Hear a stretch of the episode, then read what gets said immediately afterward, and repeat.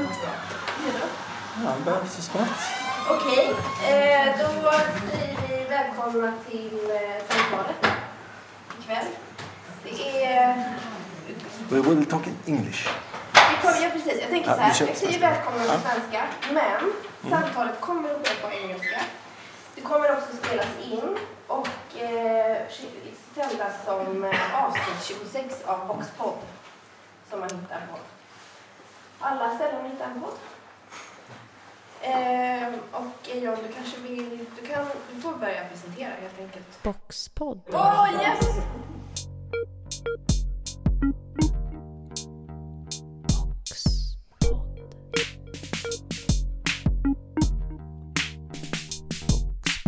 Uh, yes, very welcome everyone. Nice to see so many uh, people here that want to come and listen to our um, talk that has the title Efficient Art.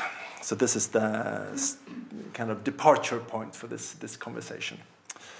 Uh, so, I've invited uh, Monique Wernhamn and uh, Maddie Leach here to uh, have a conversation with me uh, around um, important topics surrounding arts, you know, going from our own artistic uh, practices. So, uh, as we are now in my exhibition, I will not introduce myself super much. Uh, I will say a few words after you have introduced yourselves. That's my plan. So, um, first, before we begin, to just know who we are a little bit and what kind of artistic practices we are representing before going into the conversation, I want to uh, that you can talk a little bit and we will show a little bit of video also. But um, Monique, do you want to begin? Yeah, so Presenting yourself? sure. Uh, I'm Monique, and uh, I work with uh, yeah social engaged art with uh, performances and dialogues and workshops. Um, yeah, I don't know how much you want to. Uh, No, we are going to show a little video that is four minutes that Monique has done. So we'll do that first, and then Maddie, you you will introduce yourself. Is that okay? Absolutely. So. Um, So the video I will show is um, based on a project that I've been working on for eight years, which is called The Sustainable Woman. So you will get a very short introduction to that um, project that um is now. Uh, I have also made a book out of that, which is a documentation and an interactive artwork where you can kind of recreate what has happened in the project during these eight years.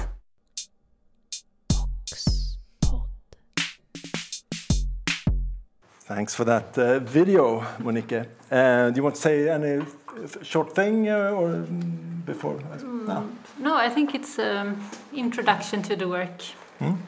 Cool. Thank you very much. And uh, Maddie, if you want to introduce yourself a little bit. Yes. Hello, everybody. Um, uh, my name is Maddie Leach. I'm an artist. I, I'm from New Zealand and I've lived here in Göteborg for uh, seven years. Um, I, uh, I'm also working teaching in the master program at HDK-Valand. Um, so my own background is I'm trained in sculpture. Uh, I went through a fairly uh, traditional or conventional sculpture education. Um, and then uh, gradually my practice moved from one of uh, making objects and installations in gallery spaces to a practice that became site specific.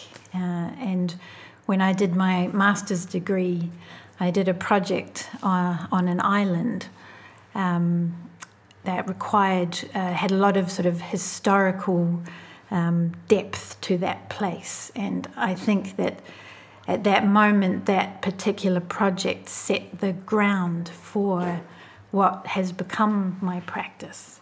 So at various times, my practice would have been called site specific, uh, place based practice, meaning that n- primarily I've worked for the last um, almost 20 years um, where I might. Uh, I usually work by invitation or artist residency or working with a public uh, institution. I would be invited and I would arrive somewhere without much idea of what it is that I'm going to produce.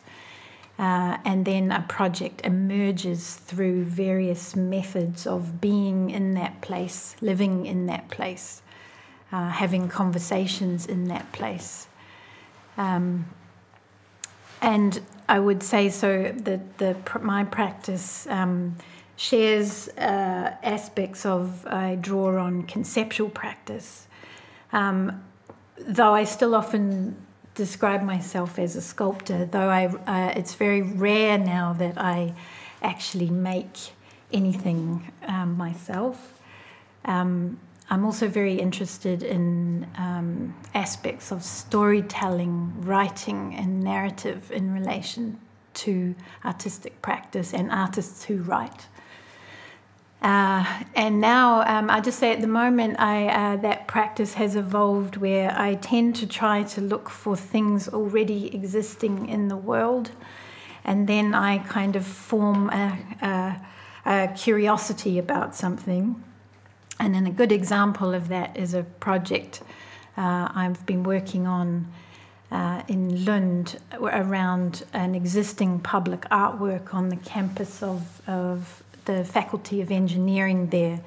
And it's a large modernist fountain structure that has is 50 years old, but it's, it's, it's never really worked as a fountain. And that project is where my current thinking is at as to the question of can a failed public artwork become a new public artwork and what does that mean for artistic authorship questions. Um, so that's where my own practice is at right now. But what you're going to see is a, a clip. Uh, it's about 10 years old, this project, and I will um, have to, I'll describe I'm not going to tell you what you're seeing, anything about it. I'll talk about what, what I'll give you a bit of context after you've seen it. Okay, so we're going to watch it first. Yeah, please. Yeah.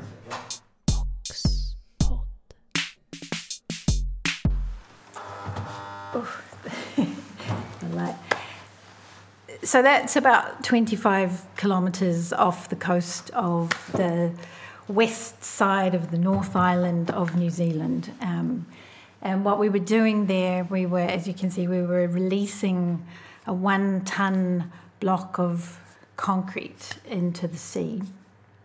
Um, and there's a very long process uh, before that moment happens. I'm filming, and Sean, who's taking images there, um, uh, and he turns the camera and takes one of me at the end. But it was documentation that's that's uh, of of of a happening.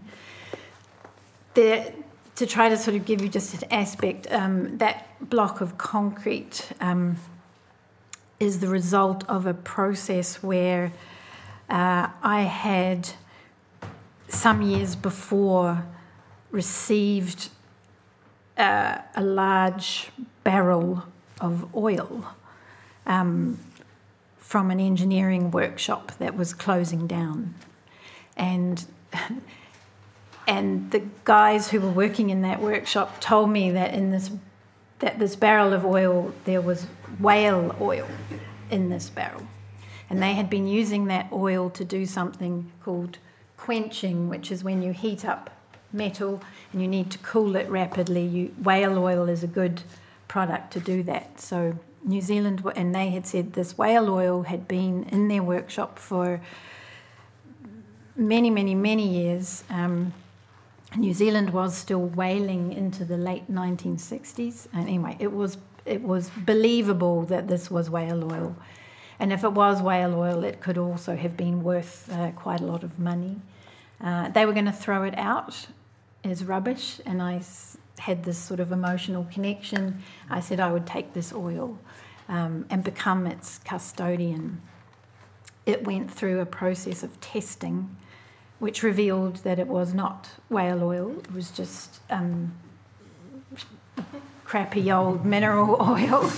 and I had 70, I had, had, this enormous barrel of it. And then I discovered um, a cement company, a concrete company, who were doing a process where they would recite, they would take oil that was needed to, and they could burn it in their process of producing cement. So we did an exchange, and I thought I could get rid of my oil. They could give me the amount of cement that would be produced, thinking it would not be very much, and they said it will produce one ton of concrete. Um, so I exchanged my barrel of oil for much larger, and then got this. Ended up having this much larger object. But the idea of this project is that the, the whale uh, remained as this kind of narrative force in the project. And there were many conversations, and there's all sorts of permissions you need to get in order to put that action is effectively called dumping waste at sea.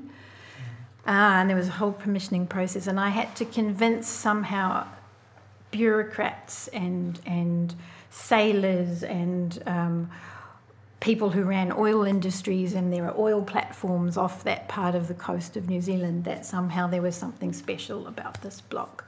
And that's what's happening there. It's being uh, returned to the sea. There's a larger project there. It's called If You Find the Good Oil, Let Us Know. Thank you very much. So this is a very good, actually, introduction to the, the first question. I will just mention you're sitting in my exhibition, I will not introduce it very much. Most of you have already seen it, so and you can see it afterwards also. But it's about uh, um, bureaucracy and administration and alternative sides to that. But it was the, your your work here. It's it's uh, it's because my first question for this talk amongst the three of us, it's about these uh, processes you have in your in, in our in everybody's artistic work it's about uh, the, how, what role uh, pace and speed uh, has in an art project. Because your, your art project, it's eight year long. This is also like a really like, you know, you're building a project for four years. Um, so I would begin to ask you, you which, which, which role does speed and mm. pace take in, in, in, your, in your practice?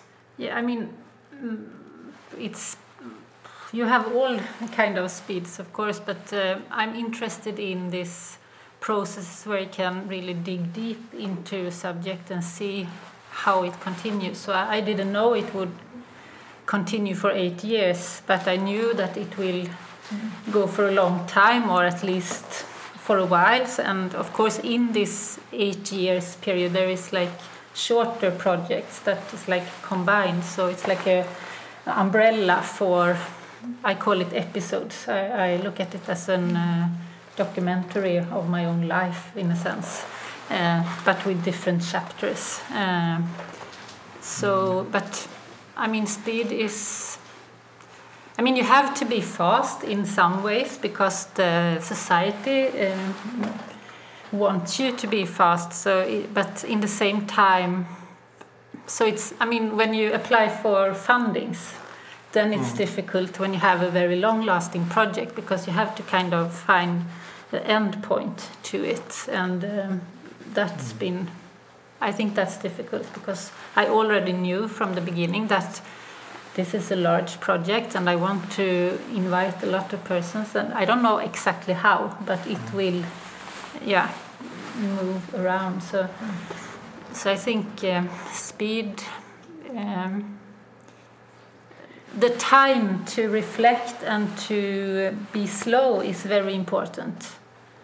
Um, yes. And you, Maddie, how, yeah. do, how do you uh, see it in your practice? I was thinking your word of this idea of episodes. I think my pro- my projects they feel like just monoliths that just they or like they just move really slowly um, sometimes, and I think that they, for me, the the and they take a lot of um, will maybe to, to stay with them and then i'm um, so they don't I think that's really interesting. That sort of episodic aspect, which allows to meet certain terms. We were talking about this idea that, you know, if if if you're working with funding systems which somehow require a visibility of a of sort of constant production, I, I would say that I don't. Much of my artistic career has not operated in a Scandinavian system with the way the funding structures work here, they're very different. And well, there's not much funding in New Zealand. Um, it tends to just come in lump sum project, small project grants. Um, but one way of working, for example, with that project, that was a residency that would normally be a three month period of come, come and stay here for three months, do something. And I managed to convince the, the, the gallery, the public institution, could I, could I come um, much less frequently, but for a longer period of time. So I did, I kept turning up and going away, and then turning up and going away. So I was, so everyone sort of lost track of how many times had I been there and and what was the length of the residency in the first place. So it it tried to sort of make slowness in that in that process. Um, yeah. Now I can totally relate to what you're both talking about. This episodical that you had to kind of, even though you have a, like a very longer project, you had to split it up in smaller portions. For me personally, this is very much more like about also that you get some kind of um, I don't know feedback or cred or you know get some kind of energy into the project. If you're only your own and you you you like stretch it out into infinity, you, you, will not. Um, it's very hard to remain in, in form like energetic mode when you're working. Um, but also in general, I think that art, of course, has this aspect of one of the few things that are, in some aspects at least, allowed to be slow. Uh, but then you have the funding bodies, etc. But uh, so so it's somehow it's important to stick with your project until it ends. But that's also a question. When do you then know? When does it end? if you if you if you if you're doing working like this, mm -hmm. how is it for you, Monique? Because your project ended, right? Uh, the yeah. Sustainable Woman. Mm -hmm. It's it's over. It's kind of kind of over. yeah, but I don't know. I I think in, in the end, uh, the sustainable woman is kind of an alter ego. Mm. And um, for the, the last years, I, I felt like I'm on my way somewhere else. It, it, was more like a feeling in my body, or like I don't know what I can get from. I'm, I'm not. It's not so funny anymore, or mm. I, can, I don't know what to find out. But in the same time, I wanted the project since it's been a long project and uh, it hasn't been a lot of exhibitions because it's more about uh, working in participatory projects or doing performance in public space and different. So, so it's more um, a few people has uh, seen the project or been part of the project, and I thought that the the things that happen in the process with uh, in the encounters with different participants or public or yeah um, that felt for me very important or that here is something that I think is interesting for other people to uh, to see. So I was interested in how could I transfer an, a performative and dialogue based practice a participatory practice into an object or into something else that a second-hand uh, audience could uh, take part of uh, and could um, how do you say uh, could um, um, uh, yeah take part of not as a documentation but as an uh, their as their own artwork mm. so then I was working with a book which was from the beginning a box or an interactive thing. So, so then the question of how to transfer or translate it into something else become an interesting thing to investigate. Uh, yeah, and now I feel like okay, so how can I now activate the book? Because mm. I think it needs to be activated, not just um, it's not in every bookstore, and I don't think it's a book that everyone would just read from um, page to page. So I'm interested then, how could it be activated in different ways? Mm. Yeah. So how is it for, for you, Maddie? When, when do you know when, when do you know to, uh, to stop? or when does it finish a project? Is, is it ever? Yeah. Well, again, I know it's hard when you don't have a sense of the, someone's practice. I will just Yeah. stick with. I, th- I wanted. I had been working to get that block drop happen, and when I saw, you know, this moment of it going into the sea, and the idea was there was to get a photograph to go into a book, um, and that would that was the going to be it. Um, so I think I remember feeling this huge sense of relief right then, going it. After this work, I because I think my project. Why I said it's like a monolith. It feels like it feels like I, it's like I'm going from A to B. It doesn't, you know, and I and there's this there's this directional movement of trying to get something to happen with all of these problems that arise and destabilize that process along the way. So there's a constant negotiation. But that project, a few months later, no, even more than a few months later, um, it got nominated for a prize uh, in New Zealand, a contemporary art prize, which was to be housed in the Auckland Art Gallery. The um, and they rang me up and said you've been nominated for this prize and you know, and then the expectation was there was be an exhibition. And so they there was like so you need to make an exhibition. And I realized you know that this block was kilometers un, underwater. There was all sorts of things. There was everything was sort of gone from the project itself. Um, so that required me to then bring the project up in a different way.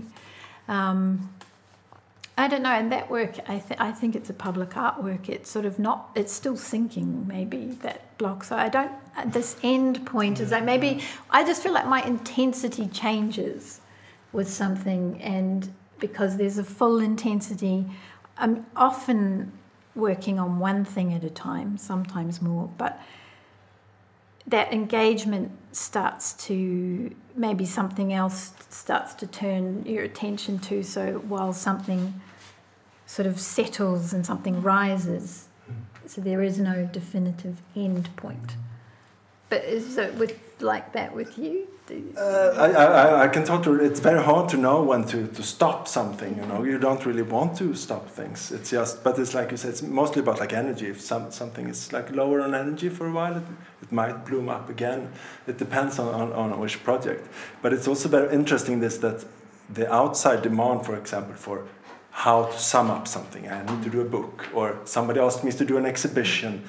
It's very this this kind of outside demand to then commodify something that is maybe very very ambivalent and broad and, and, and large. It's, it's it's also kind of tricky, um, and maybe that's also. Um, somehow the, the de- demand of somehow of um, a product or an eff- efficient kind of um, uh, conveying of a process.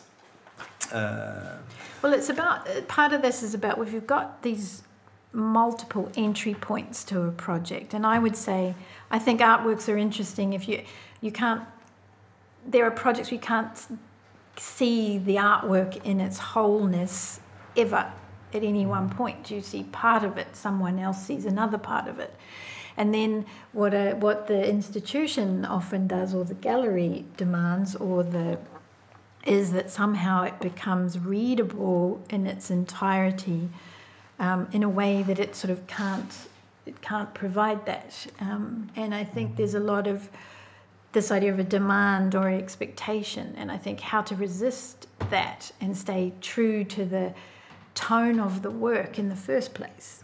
Um, especially if it's been asked to be repackaged or represented or put in a book or summarized in some way with, for efficiency yeah, yeah. for like what was the project i mean i haven't given you a very efficient uh, explanation, you're probably like, well, I don't have any idea what this artwork is about because I would need more time to sort of take you through it. But, um, but that's also interesting because then this format is one of got those the time. uh, demands, Yeah. you know, that is put on uh, your both your art practices and my own Yes. for that. But I have another question. If, if you move on a little bit from, from the question of speed, uh, it's more like maybe broader, um, broader questions because uh, uh, we all work in different aspects with uh, different political issues connected to ourselves and our surroundings and situations and places. And then I will have this kind of provocative question of is art an efficient way of uh, affecting society? Monique, you can start. Yes. it's an easy question. well, is it? Yes, of For course. yourself? For or- myself, yes, of course. For, for, for uh, the general. it is, but uh, I mean, yeah, how do you. Where do you start? Um, yeah, if you want to, I don't know, nudge society in a certain direction, you know, like how uh, is, is, uh, do you see your art as, as a, one of the, the only way to do this, or is it the best way to do it, or are there other mm. better ways of doing it? This is, this is Yeah, yeah. I mean, for me, art is my way of being political, uh, and it's also in this project. It's um, that you don't see here, but sustainable woman. Um, uh, it's a surviving strategy. Uh, because I was not sustainable. I am not sustainable. I'm uh, working on it all the time. But that was one way to kind of uh, reveal and look at the question from my own perspective, but of course, in the same time, put it and look at the society and how is the society working in relation to personal sustainability, artistic sustainability, and work. What is work?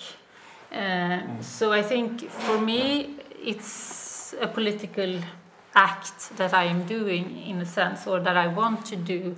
That I mean, of course, I cannot, I will not change the world with my art, but I think that what I can do is to create spaces for dialogues and actions where things can happen eh, in a tiny little eh, space, but that could be efficient, eh, not efficient, but uh, effect, uh, um, have an impact on the persons in, in the room, and that. And I think when you talk about the artwork or what happened in the room, to your friend or to someone else or like using my book it's based on recipes so you can do it. And then i think that the recipes could if you do it in in um, here or in a working situation or with your friends in on friday night uh, something will happen. And i think it's some kind of transformative act that happens when you do that so it's political, but it's it will not change the world. that's a, that's a good answer. How do you reason? Can you repeat the question? Is art an efficient way of influencing and affecting society? Um, p- I'd possibly go not really. Um, no, I, but I'm connecting that maybe to this question of speed because I do think that, of course, there are art, artists and artworks that work. They they have this kind of sudden impact. Um, they they and that might be through their way of uh, gaining media coverage and therefore quick a quick um, route to public discussion. Uh, we've seen some examples in Gothenburg, um, and so there are artworks which do that, and and that seems, you know, that to achieve that discussion seems there's some efficiency there, but that's particular types of work. Maybe I think what I do do- it doesn't work like that. Um, but it's similar to aspects, I guess, where I think it works on a one to one basis. But it's often not about, like, oh, an audience, the audience there who will somehow see the work. I often work with a lot of um, So, for example, the guys on the boat there, um, I think that's interesting for me, where artwork can, because I had to say, you know, they they they they work underwater diving to clean um, oil installations, and to convince them to do this for free, to take the block and put it into the sea. There's something about that discussion acts like rumor um, or it goes from one person to another person. They give you time, um, and something there uh, is possible as a moment of imagination. And I don't make any claim for a long, there's no long term effect, but that somebody offers you something. Um, I think, and you you resolve something together, then you hope that that act can can can move from your situation to another situation. If yeah. Yeah. yeah. No, that's that's uh, super interesting. In my own view, uh, of course, art is the space where you I don't know you don't have to have the answers. You you you, you ask the questions. You you somehow. Um, uh, investigate. You can, you can uh, say two things simultaneously. You don't have to, to you know, they don't have to add up. You know, this is, of course, this is society also works like this. But so this is, of course, the the, the uh, uh, yeah the privilege you have to be ambivalent and ask these questions and don't have the answers but then I also, because this is, I always say this, uh, and I think many artists do, you know, somehow. But then, of course, all artists are somehow, many artists or most are somehow political persons. They try to nudge society in a certain direction. And then, to me at least, uh, when preparing this, and, and, in general, it's also somehow interesting to think a little bit about efficiency. Like, is am I only confusing everybody? Only, is that a good thing? Or, and you know, it's in relation to, um, or, or, or, do I have some kind of answers or will to, for people actually to be affected in a certain way, for example? So, uh, how do you, uh, do you, if you see like the people in, in, in you, you because you both of you work very much like with social situations, you know, meeting people in, in, in like social situations. So how uh, are you somehow thinking about this? Um, how, what the, Again, the, another part of this project was a, a local newspaper, and people could write were letters to the editor. People write their opinions. Um, and this project, I, I, I think the pr- thing I'm proudest of was that how many people told me through that through that newspaper how much they hated the project um, and and how irritated they were. And at least somehow there was, um, and those letters were all reproduced alongside my own letters back to them in a book. And they were all invited to the book launch. And there's something about the, the, the fact that we had very different opinions, um, but that uh, able to voice those opinions. I mean, maybe that just ended up in black and white, like I think this and you think this. But there was something. Um, um, I don't know. I, I, I, I felt like it it, in a, it it it managed to do something in terms of active dialogue. It's the projects that produced that the most for me, even. Um, I can't remember the question. I've gone off the the, uh, the topic. Yes, oh, does, no. doesn't matter Does at all. That's, uh, that's also part of you know being you know in, being in this ambivalent uh, you know. But um, I can move on here a bit to to you, because you're also meeting people in social situations, or both both both of you are, and, and this um, how uh, and if you, I don't know, if you, you have this feedback uh, meetings, you meet people, you talk to them, you get the information, you, you, you provide people with mm. information. How is this, uh, how, what do you want them to take from this? Is this a cultural experience? Do you want them to take some kind of, you know, to give them some kind of tools for, for, for, for mm-hmm. their lives i don't know hopefully no but yeah this uh, feedback clinic was uh, that i um, gave uh, one hour consultation. So they go, you could sign up for one hour consultation. Mm -hmm. and as a favor in return, you have to give me something that makes me more sustainable. Uh, so it could be, and they had a, there was a list of different stuff, so they could pick something. They could also pay um, 750 Swedish kronas, I think it was Mm-hmm. at that time, uh, or come with their own suggestion.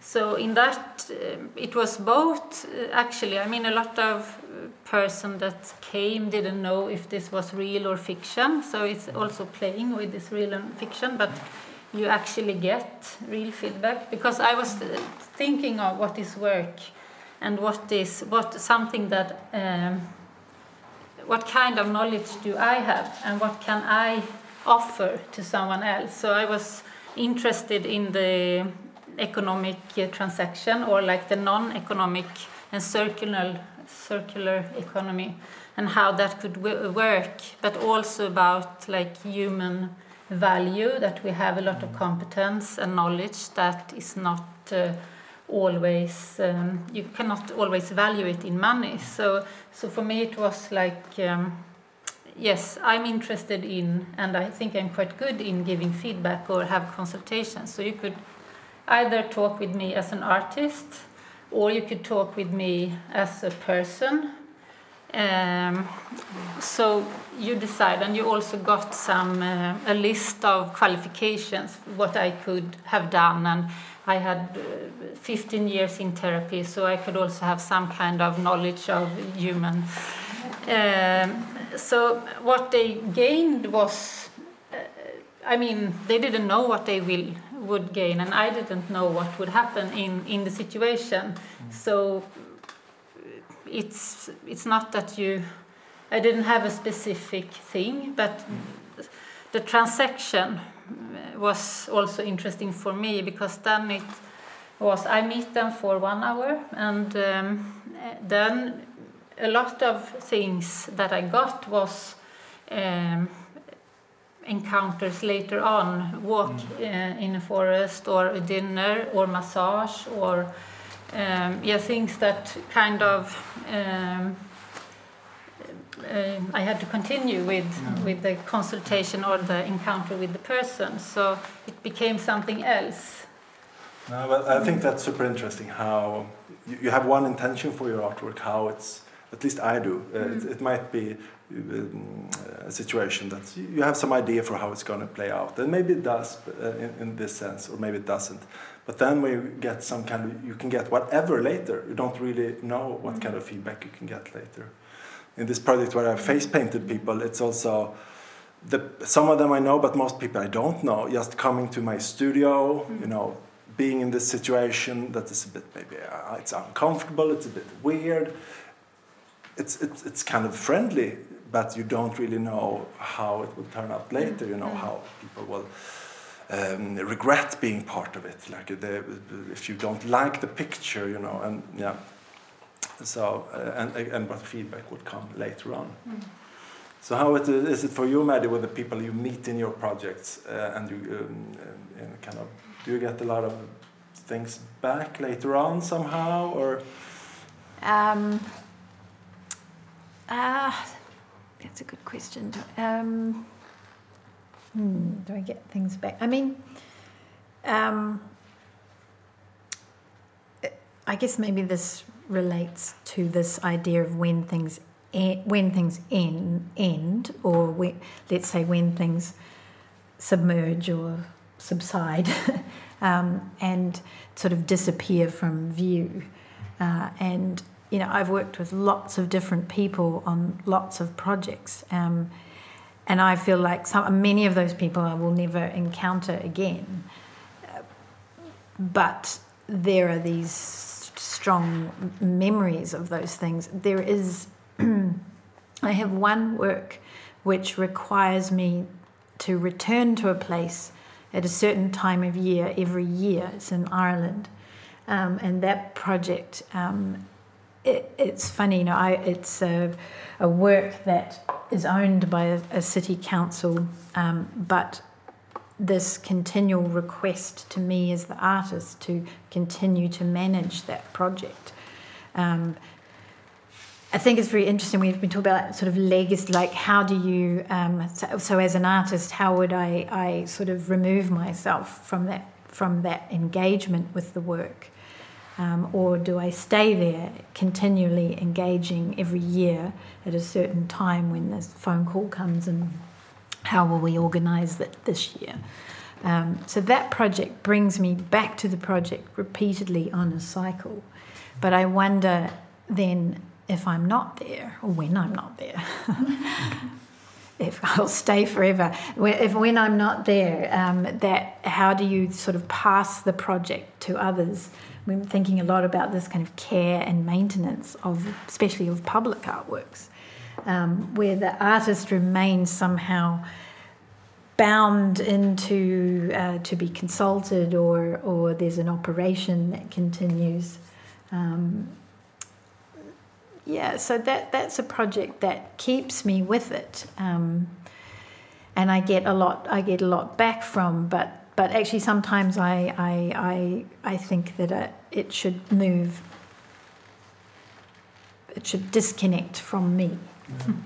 that's that's also relates to this when when how processes work. Like then it's never never ends somehow. You mm. can you can do this project forever. Mm. And some projects uh, myself had it uh, I had this art, um, uh, street artwork, uh, a piece of concrete slab at the Järntorget. It's a self-portrait I made 20 years ago.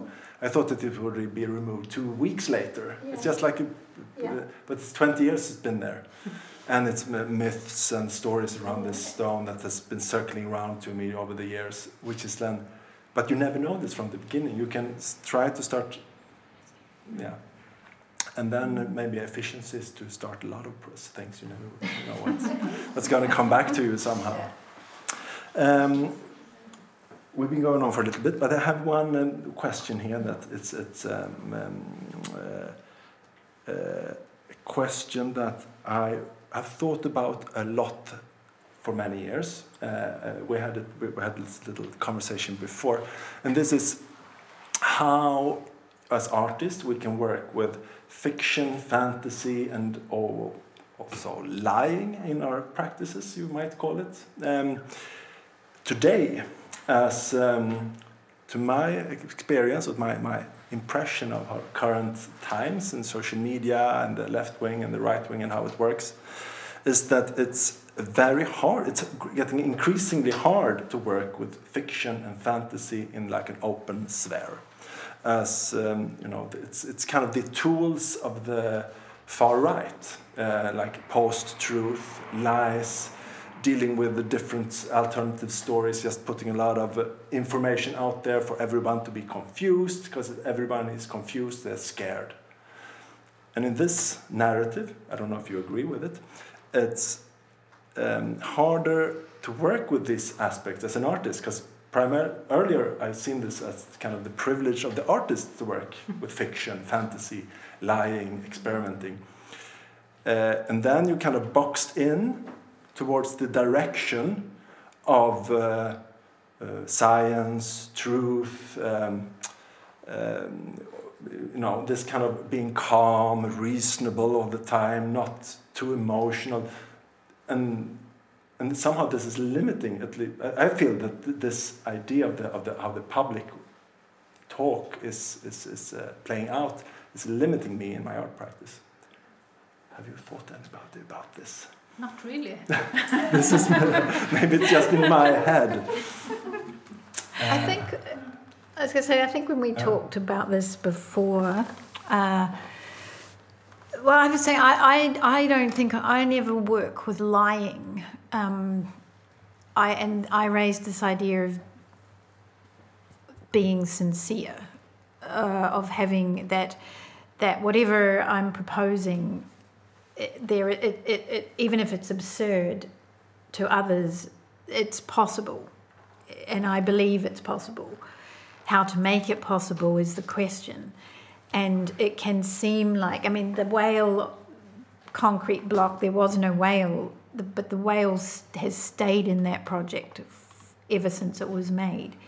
and that so it's it's a pure fiction there that there's a there's a spiritual spirit of a whale somehow in that concrete block um, but I didn't I, I talked about whale oil constantly and it not being whale oil but that somehow it built itself that fiction but the sincerity I think we talked about this idea of being sincere so that others somehow uh, might go, I, I don't know, I don't know, that, you know, that you need somehow people to believe with you, I think, in what I'm, I'm doing. And I guess I was interested, John, in, in working with these people.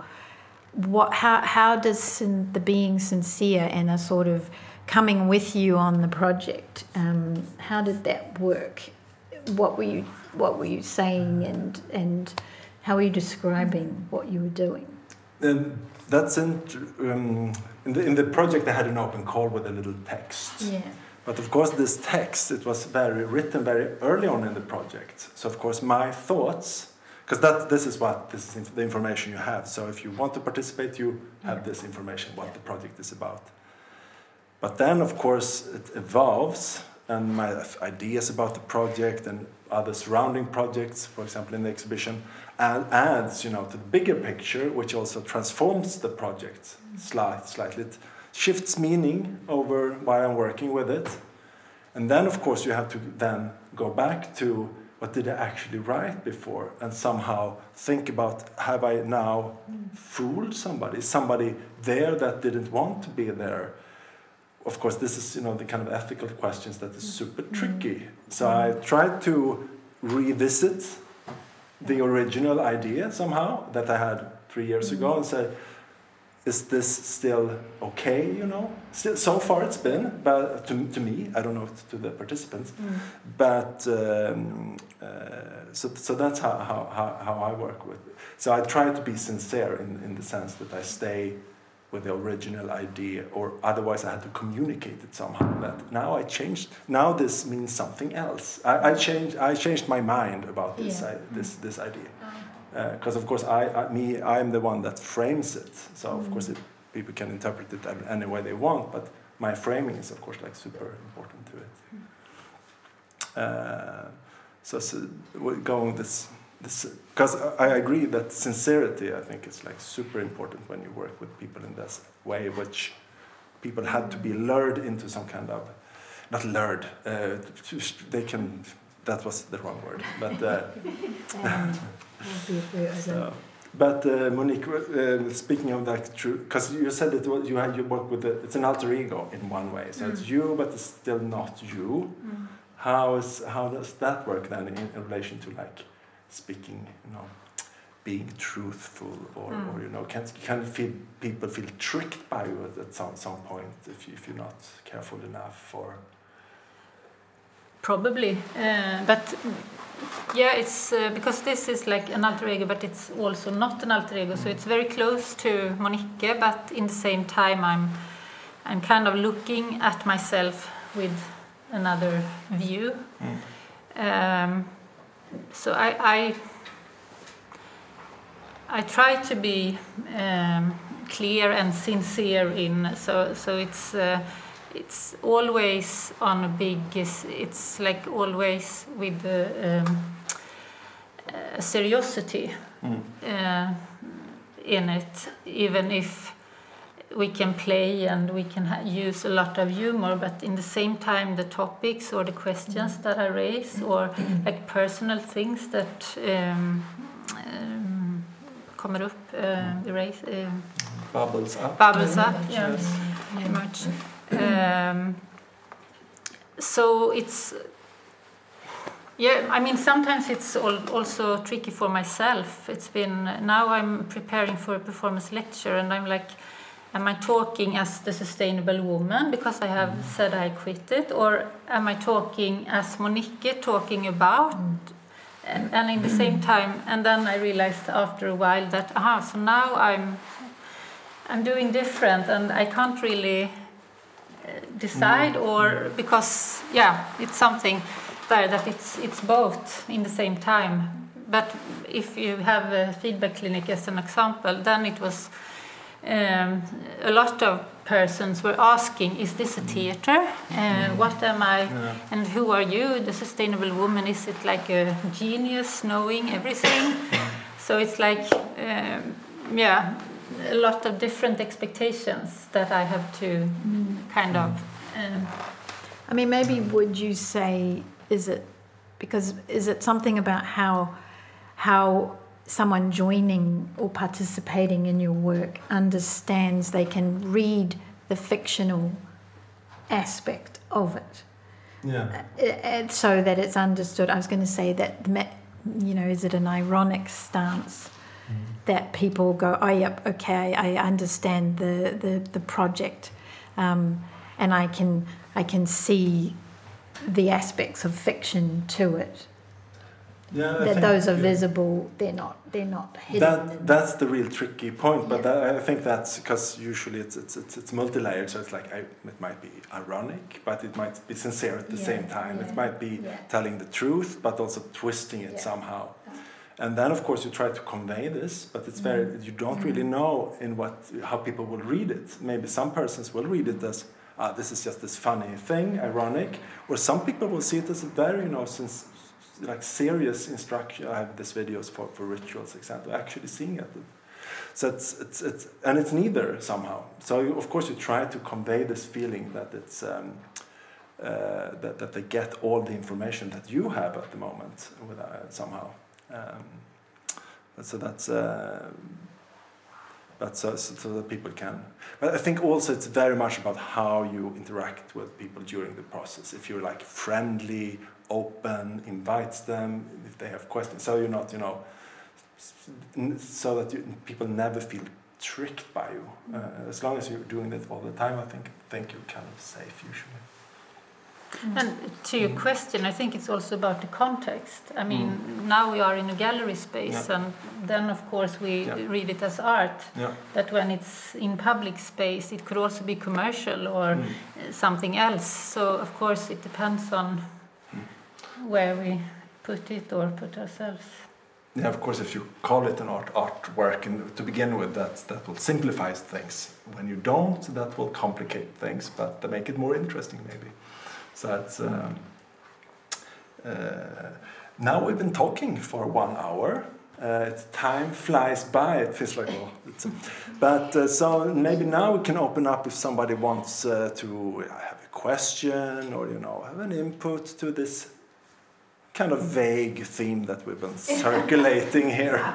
How's the level of efficiency? or you don't have to do that either. But yes. Uh, uh, I was thinking about this, uh, the uh, word efficiency because it feels like I, I shouldn't bring it up because Mhm. it feels like, you know, something you can't really touch, like the efficiency part of it. But then I was starting thinking while you were talking, and um, it was really interesting also uh, to hear how you talk about time Mm. and it got me thinking about you, you always touched on it that you know what do you do uh, what happens with the art when you die did you see Mm. this email on KRO's yeah so uh, and and uh, I, I I talked to them and they uh, they got so many so much feedback from so many people about this question what do you do with your art when Mm. you die so Mm. I thought that was just an interesting sort of uh, end time in the future. But then also coming back to the efficiency part is like you, art has been made by people for such a very, very long time. So it, it feels like it's been, yeah, I was like sort of counterbalancing efficiency to this art being around for, you know, a very, very long time mm. and sort of mm. part of human behavior. So I thought that was, in, to me, a balance to this idea of efficiency. Mm. If you know what I mean, I'm not really clear here, but That's that's super interesting for the pod. Where you are balancing efficiency.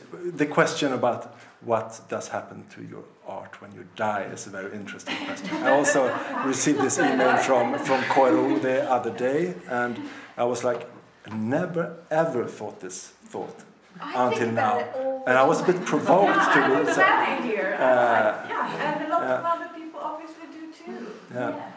Yeah, but Never so- thought about that. No, to be honest, no. I was almost provoked by, by the Every idea that I would have to make it's these plans now. Uh, I think the most of it is to leave nothing. leave nothing. That's And- the- Um, and I also, but if you can't do that, I got a very good piece of advice the other day on this was don't leave your family or any loved ones in charge of your work, uh, the legacy of your legacy. Make sure you think carefully about who's going to manage that legacy and that work. And it should be, it could be a small group of people that you put together and you, you, you need to put thought. But families, often um, get in the way of decision making about uh, there's an emotional connection to the yeah, so it was don't leave it to um, but I I think you You're leave so clever to just dump it in the ocean. yeah but- no one can see it and it's still there but yeah I, I I'm a sort of So you have to maybe gather a group of, of, of artists that will somehow say goodbye to your. your Well, I think this is, but I've, we've been talking about this also in relation to websites. Uh, this is part of why I've been thinking about what, what happens when you die and you're to your website as an artist. Or I mean, these things are going to they're just going to break. How do you future proof, especially if you don't have material things in existence anymore, and your archive relies on that. You need an archive, a digital archive. Um, I, that to me just feels like a huge unknown. Um, and then maybe you just have to go, no, it's going to just, it just goes. All of my documentation of my practice will be gone. And that's how it's, you know, so, but- so that thing of art that survives physically and carries through generation to generation, I don't know how much that happens for many practices anymore. It's been a hard disk. Yeah, and then the hard disk, no one can read it in yeah. 20, te- five years. Yeah. Um, so you're thinking in terms of like, what about in 50 years, in 100 years? but then Um, also, then you think about this uh, color that sticks to sort of uh, mountains for like thousands and thousands Yeah. and thousands of years. And like, you know, it's like it's some kind of a counterpoint to what we're talking about about being efficient Mm. there. I'm just saying, you know, like mm. it la- like yeah, we have different ideas, and it changes.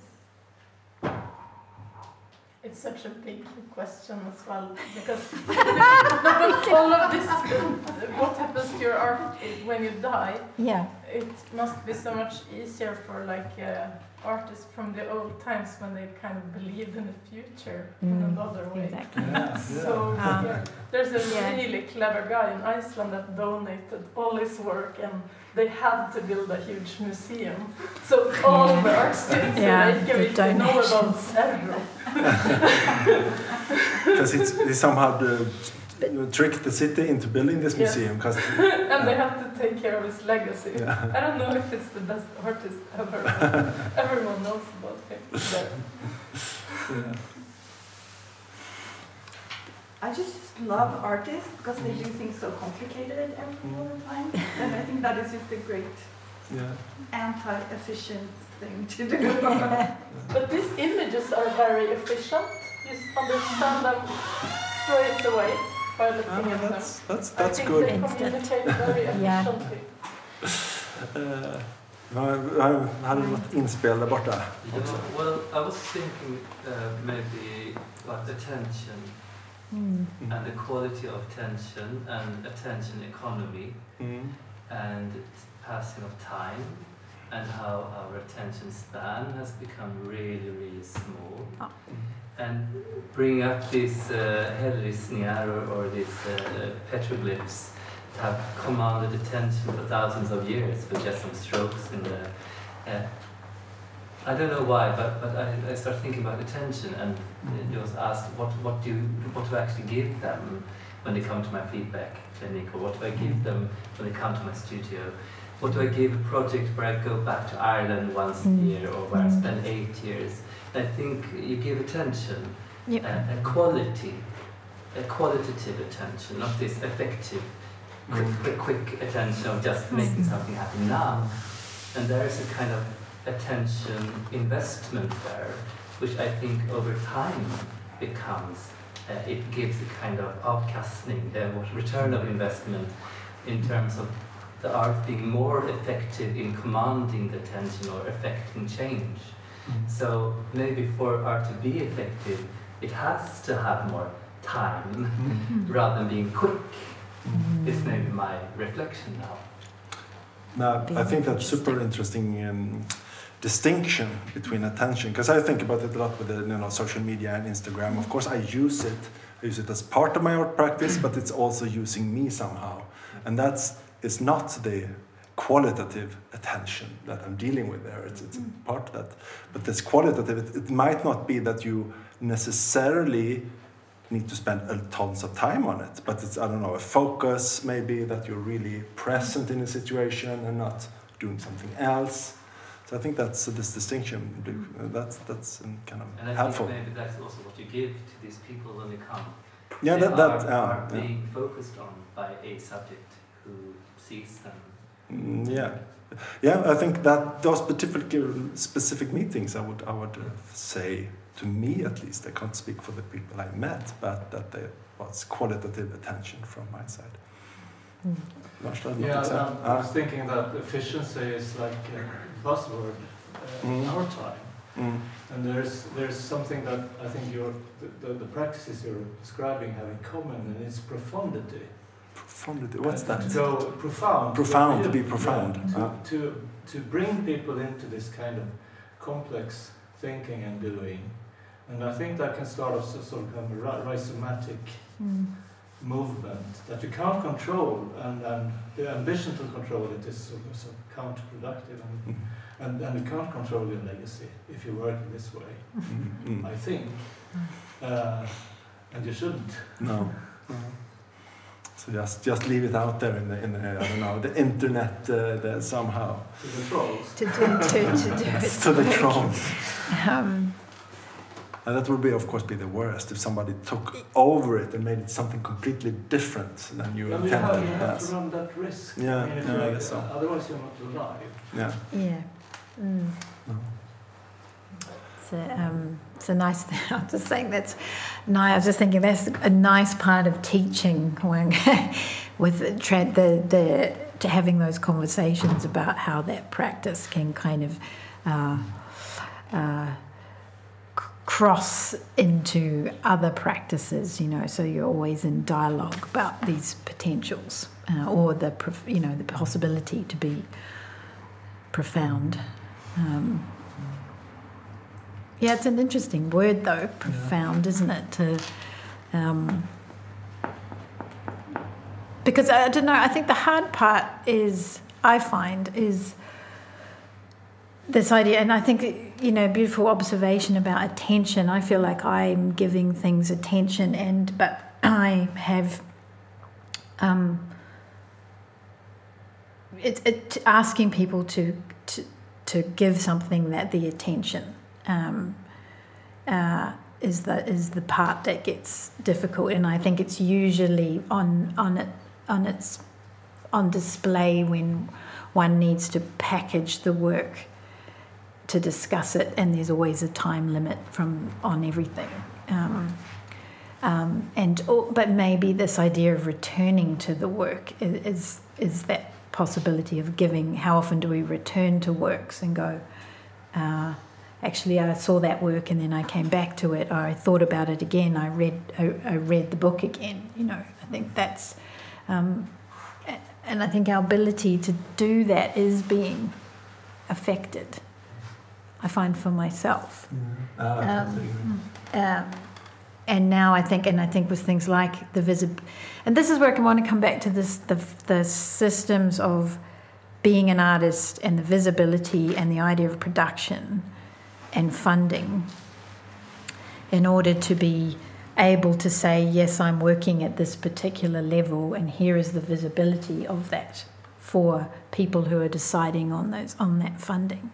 I think that is a very complex problem in a way for practices which um, can't provide those moments of those snapshots or that evidence, if you like. And I guess in the world of research and artistic research, this idea also, I think, is arriving, um, we would say, of impact.